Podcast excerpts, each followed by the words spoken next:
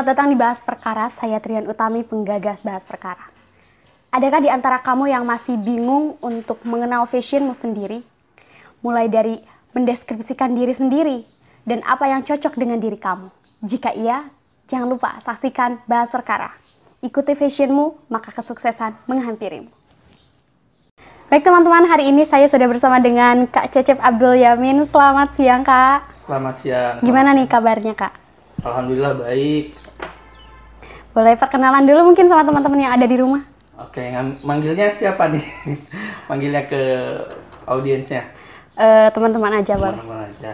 Baik teman-teman semuanya, perkenalkan nama saya Cecep Yamin.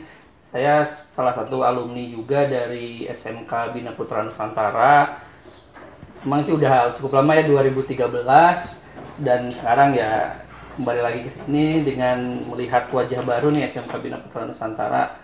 Saya eh, saat ini bekerja di Kerawang, kotanya di salah satu rumah sakit di Kerawang eh, di departemen marketing, gitu sebagai koordinator di departemen marketing. Oke. Sibuknya sekarang lagi sibuk apa nih? Eh, kebetulan saya ini sekarang sibuknya sebagai pekerja ya, tadi di salah satu rumah sakit, terus sekarang lanjut lagi sekolah juga, lanjut kuliah S1, terus dan jadi bapak juga. Jadi Keren, cukup keren. lumayan ini ya, waktunya cuma lu- lumayan apa padat juga hari-harinya gitu. Eh, Oke gini kak, jadi sebelum kita masuk ke pertanyaan nih, wajib banget buat seluruh tamu undangan yang datang ke acara bahas perkara ini harus baca slogan kita dulu nih kak. Jadi Oke. nanti kalau misalkan aku bilang bahas perkara, ki- eh, kita bareng-bareng sama teman-teman yang ada di rumah juga bilang bahas apa pun yang penting, asik dan menginspirasi. Siap ya kak? Oke, siap, siap. Bahas perkara, bahas, apa pun yang penting, asik dan dan menginspirasi. Oke, terima kasih. Sebelumnya makasih banget nih Kak udah bisa menyempatkan diri hadir dan tentunya berbagi ilmu sama kita dan juga teman-teman yang ada di rumah gitu. Eh, sekarang kita mau bahas-bahas terkait eh, fashion nih Kak. Eh, apa namanya? Kemampuan kita, bagaimana kita bisa mengetahui itu itu karena itu mungkin bisa apa ya berpengaruh juga dengan kesuksesan kita ketika kita tahu fashion kita tuh ada di mana gitu ya kak. Oke oke. Ya jadi untuk saat ini saya juga ucapan terima kasih nih udah diundang di sini. Tapi ini sekali lagi saya bukan pembicara ini ya gitu. Jadi ini hanya kita ngobrol-ngobrol aja mungkin secara pengalaman seperti apa. Jadi sharing aja ya teh Oke. ya gitu. Eh, jadi mengenai fashion ya. Jadi ini menurut saya sangat penting bagi anak muda khususnya bagi eh, teman-teman semua yang sekarang udah menginjak kelas 3 mungkin ya kelas 12 ya. Iya. Jadi mau ke mana sih gitu kan setelah lulus dari sini terus mau buat apa sih setelah lulus dari sini gitu. Itu sangat penting sekali. Jadi di sini kita harus membedakan dulu antara passion dengan hobi Mhm. dengan potensi diri Iya. gitu seperti itu jadi hobi itu sesuatu yang kita kerjakan eh, tanpa apa tanpa adanya paksaan tapi masih biasa-biasa aja gitu. Nah sementara potensi diri itu adalah suatu kemampuan yang dimiliki kita sendiri gitu. Eh, nah sementara passion itu di di atasnya lagi gitu. Jadi perpaduan antara potensi diri dengan eh, arti dari suatu hobi Hmm. tapi levelnya itu lebih di atas lagi contoh seperti ini eh teteh eh, apa hobinya apa Aku hobinya nyanyi nyanyi. oh hobinya teteh nyanyi misalkan gitu eh teteh nyanyi itu dipaksa nggak Enggak. nggak jadi nyanyi nyanyi weh mau di mana ge ya gitu Iya ya. iya benar-benar. nyanyi gitu tapi teteh kalau misalkan nyanyi nih diundang ke suatu tempat gak dibayar mau nggak Boleh aja sih, soalnya kan itu hobi juga ya. hobi nah berarti ini kalau menurut saya udah lebih dari hobi Hmm. ini masuknya ke passion karena Oke. teteh eh, apa rela untuk tidak dibayar Hmm. berkorban mungkin kan kalau mau tampil itu harus ngemodal baju Iya. persiapan mental dan sebagainya itu teteh lakuin tanpa adanya rasa ingin dibalas gitu nah Oke. itu udah udah di atas tingkatnya itu nah sekarang eh, potensinya udah jelas nih suaranya bagus. Nah itu kan potensinya suaranya bagus, hobinya menyanyi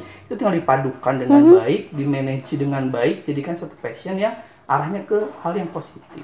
Oke. Kurang lebih seperti itu dulu. Eh, gimana sih caranya untuk kita tuh tahu fashion kita tuh ada di mana gitu, kenal dengan fashion kita sendiri gitu. Oke, untuk kita bisa mengenal passion itu seperti yang tadi saya saya eh, apa bicarakan. Salah satunya itu kita lihat dulu apa yang kita lakukan tanpa adanya paksaan, gitu kan. Terus kita tuh sampai lupa eh, bahwa kita tuh dibayar atau tidak, kita tuh dilihat orang atau tidak, gitu.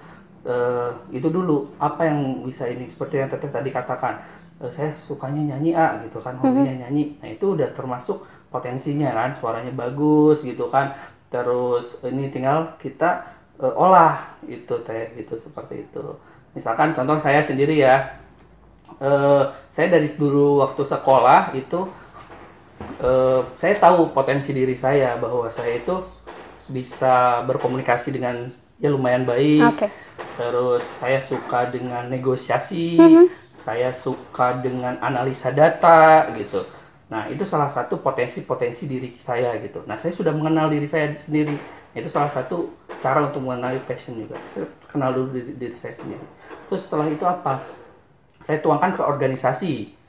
Nah, saya masuk ke organisasi. Nah, di situ saya merasa bahwa wah, saya sampai lupa waktu nih berorganisasi sampai pulang malam, menghabiskan waktu. Kadang tidak sedikit juga kita mengeluarkan materi gitu untuk untuk organisasi. Nah, saya merasa di situ wah, ini udah masuk nih manajerial gitu kan manajemen kan organisasi manajemen ya. Manajemen masuk ke negosiasi. Nah, apa nih yang yang ini? Nah, ini saya harus manage ini dengan baik. Nah, saya keluar dari sekolah kan waktu itu lulus, eh, saya memutuskan untuk bekerja di bidang marketing karena saya melihat potensi diri saya. Nah, setelah saya eh, melihat potensi saya di situ, saya melihat bagaimana cara untuk mengembangkan. Hmm.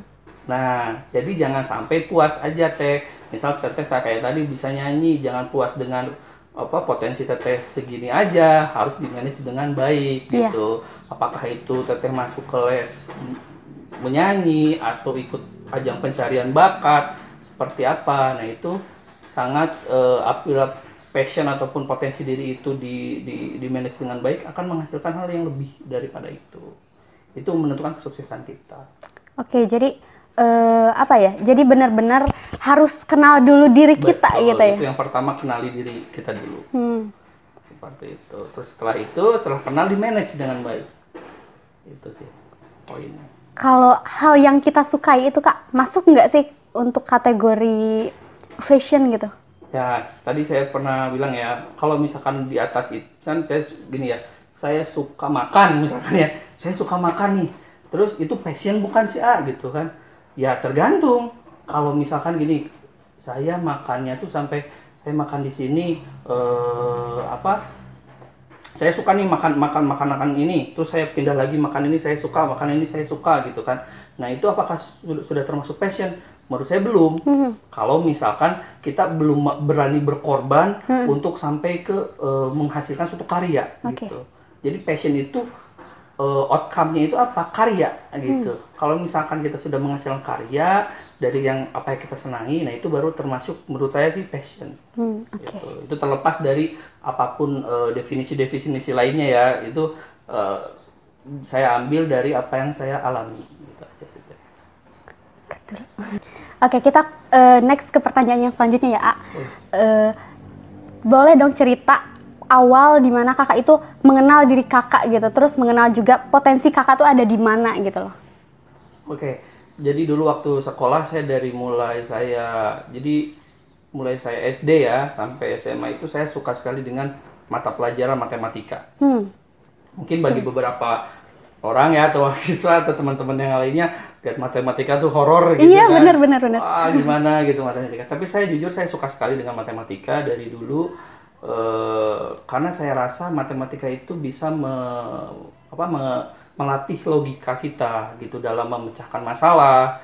Karena memang orang berat bilang ngapain sih belajar matematika tuh kamu kalau misalkan beli batagor nggak ditanya Pitagoras misalkan gitu kan atau iya. gitu. nggak nggak nggak nggak sampai seperti itu tidak tapi memang si matematika ini bisa me- melatih pikiran kita ataupun otak kita untuk menye- menyelesaikan suatu masalah gitu dengan cara yang sistematis gitu kan nah saya menyadari itu dari mulai saya SD gitu jadi setiap pelajaran matematika alhamdulillah dan waktu lulus SMK BPN ini juga saya nilai matematika saya UN saya itu li- 975 Mantap. jadi cuma iya, satu iya. aja yang salah Keren keren. gitu. Nah, jadi saking saya sukanya itu, saya udah me, apa menerapkan di dalam pikiran saya, oh ini salah satu potensi diri saya. Mhm. Terus selanjutnya saya saya merasa bahwa di SMK ini khususnya SMK BPN ini eh, ada ruang untuk saya melatih kemampuan berkomunikasi. Hmm. Awalnya itu saya waktu SMP memang masuk organisasi, tapi kemampuan komunikasi saya itu wah masih jauh lah di dibanding saya waktu di SMK ini. Masuk pertama kelas 10 itu saya udah wah di sini ada ruang nih untuk saya melatih eh, apa komunikasi saya. Terus saya lanjut saya sempat eh, ikut juga salah satu audisi di salah satu radio swasta dulu di Tasik. Alhamdulillah saya masuk jadi 25 besar di situ dan mendapatkan privilege untuk sekolah tuh di broadcasting school selama Iya. satu tahun. Nah di situ eh, ada ada ruang juga tuh untuk melatih komunikasi saya sehingga udah dua tuh potensi yang saya rasa bisa saya kembangkan jadi komunikasi dan juga eh, ilmu logika dari matematika itu terus selanjutnya dimasuk ke organisasi osis di SMK BPN tentunya teman-teman juga nih teman-teman osis ini pasti sering lah mengajukan suatu anggaran dan mungkin sempat ada penurunan budget Iya. atau pempendingan event atau penolakan anggaran bahkan Jadi problem banget tuh kak. dan itu tanpa kita sadari itu tuh ajang untuk kita latihan bernegosiasi. Hmm, bener. nah di situ saya selalu memberanikan diri untuk ber- berdialog dengan pihak eh, sekolah dengan pembina saya dengan wakase. Bagaimana caranya biar bisa goals kita punya event. Karena tentunya kita punya event itu pasti ada tujuan. Iya. gitu kan event ini misalkan kita buat event Maulid Nabi Dan tujuannya kan untuk memperingati untuk biar teman-teman makin sadar bahwa eh, apa ini itu penting gitu kan. Nah itu harus kita perjuangkan nah di situlah ruang untuk saya melatih kemampuan komunikasi menjadi suatu hal yang lebih substansi lagi itu negosiasi. Nah, setelah masuk kelas 3, nah di situlah saya sudah meyakinkan diri saya bahwa kemampuan saya dalam logika dan kemampuan saya dalam komunikasi dan negosiasi itu menjadi modal saya Hmm. untuk mencapai suatu kesukses, kesuksesan di masa depan. Akhirnya di kelas 3 itu pas mau lulus, teman-teman pada ikut SMBTS, MPTN ya. Iya. Itu kebanyakan farmasi ikut farmasi, kem- kimia ikutnya ke kimia, fakultasnya, terus eh, begitu pun telekomunikasi. Jadi sesuai bidangnya sesuai gitu. bidangnya. Tapi saya itu termasuk yang agak-agak melenceng nih. Saat itu saya sempat mengambilnya komunikasi, ilmu komunikasi Unpad. Walaupun memang belum rezekinya, saya belum diterima di beasiswa pada saat itu. Tapi eh, saya tetap karena saya udah yakin bahwa potensi saya di sini. Akhirnya keluar sekolah dari situ, yang lain pada kerja di pabrik, karena mungkin melihat potensi dirinya ada di situ Oke. di apotek atau di rumah sakit saya itu termasuk yang melenceng lagi saya bekerja di bidang marketing Hmm. gitu. Karena ya saya tahu potensi diri saya. Dari situ mulailah saya belajar belajar kepada eh, apa senior saya atasan saya. Terus sekarang dengan dunia digital seperti ini banyak sekali ilmu bertebaran gitu. Belajar kita pada praktisi-praktisi handal tentang ilmu marketing.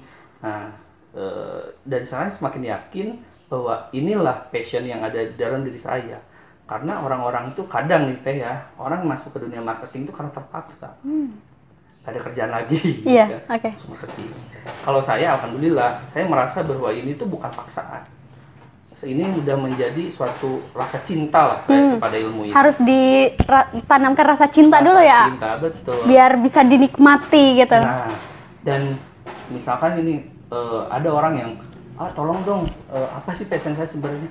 Nah sebenarnya saya tuh nggak bisa jawab kalau kayak gitu. Karena yang bisa jawab sebenarnya apa passion itu apa Dirinya passion- sendiri. dirinya sendiri. Karena passion itu abstrak gitu. Yap. nggak bisa dilihat gitu. Nggak bisa dilihat. Karena itu yang nentuin gairah kan. Passion itu gairah gitu. Di saat kita melakukan satu hal bergairah gitu kan dan menghasilkan suatu karya menurut saya itu udah jadi passion gitu. Udah udah udah wah udah levelnya tuh udah tinggi banget. Karena udah bisa menghasilkan suatu karya. Seperti itu teh. Jadi awalnya itu dari kecil dari mulai SD saya sudah mengenali diri saya gitu itu yang menurut saya paling penting Oke, Eh, mungkin bisa kasih motivasi buat teman-teman yang bingung nih, aku fashionnya gimana nih sebenarnya gitu loh. Ya, oke. Eh, Bagi teman-teman semuanya, tadi saya sempat bicara bahwa yang bisa menjawab itu adalah diri kalian sendiri, gitu. Cuman setidaknya dari pengalaman saya, itu teman-teman mungkin bisa sedikit mencontoh atau me- apa mengambil yang baiknya ya, atau yang bisa teman-teman mengerti lah gitu. Bahwa yang pertama itu teman-teman harus mengenali diri sendiri. Yang kedua, setelah mengenali diri sendiri, olahlah potensi yang ada dalam diri kita, aplikasikan dalam bentuk suatu karya. Oke, jadi hanya kita tinggal ambil tiga poin aja gitu Tiga ya, aja. mengenali diri, kemudian mengembangkan dan mengaplikasikan Iya, gitu. dalam suatu karya harus harus positif Iya. gitu. Hasilnya harus ada, outputnya itu harus ada. Hmm. Seperti itu. Itulah kurang lebihnya teh. Oke, jadi karena potensi itu sebenarnya harus digali juga ya. Betul, teh. Potensi itu harus digali, eh, potensi itu harus benar-benar kita manfaatkan karena dalam ilmu manajemen nih ada yang namanya analisa SWOT. Hmm. Strength, weakness, opportunity dan threat. Iya. Mungkin eh, teman-teman juga udah belajar lah di ilmu kewirausahaan di apa di Produktif. SMK ya. Ya, ada. Karena itu ada juga. Nah, itu untuk meningkatkan apa? Output. Ujung-ujungnya output. Daripada kita memusingkan kelemahan kita, Iya. mending kita menggali strength kita Hmm. gitu kan. Kekuatan kita kita gali benar-benar sehingga menghasilkan suatu karya, suatu output yang Oke. Baik teman-teman, eh, gak kerasa banget kita sudah berada di penghujung acara. Eh, buat teman-teman wajib banget nonton ini karena jawabannya yang luar biasa keren-keren sekali. Sekali lagi makasih buat Kak Cecep yang sudah menyempatkan diri untuk hadir di kegiatan ini gitu.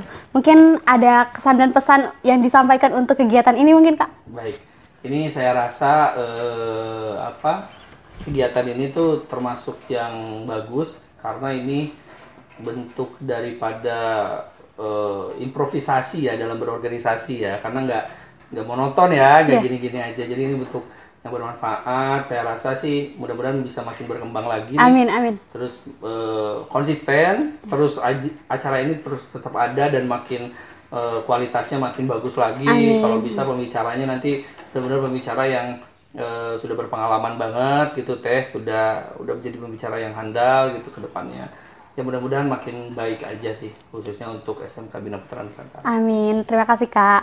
Eh, makasih juga buat teman-teman yang sudah meluangkan waktu untuk nonton video kami kali ini. Jangan lupa untuk like, komen, dan subscribe. Bye-bye.